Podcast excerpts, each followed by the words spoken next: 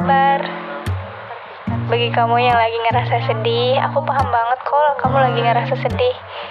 Uh, daripada kamu habis-habisin tisu atau nyakitin-nyakitin mata gitu kan. Mendingan udahan yuk nangisnya. Udah, kamu bangun, mandi, dan dan yang cantik. Semangat ya!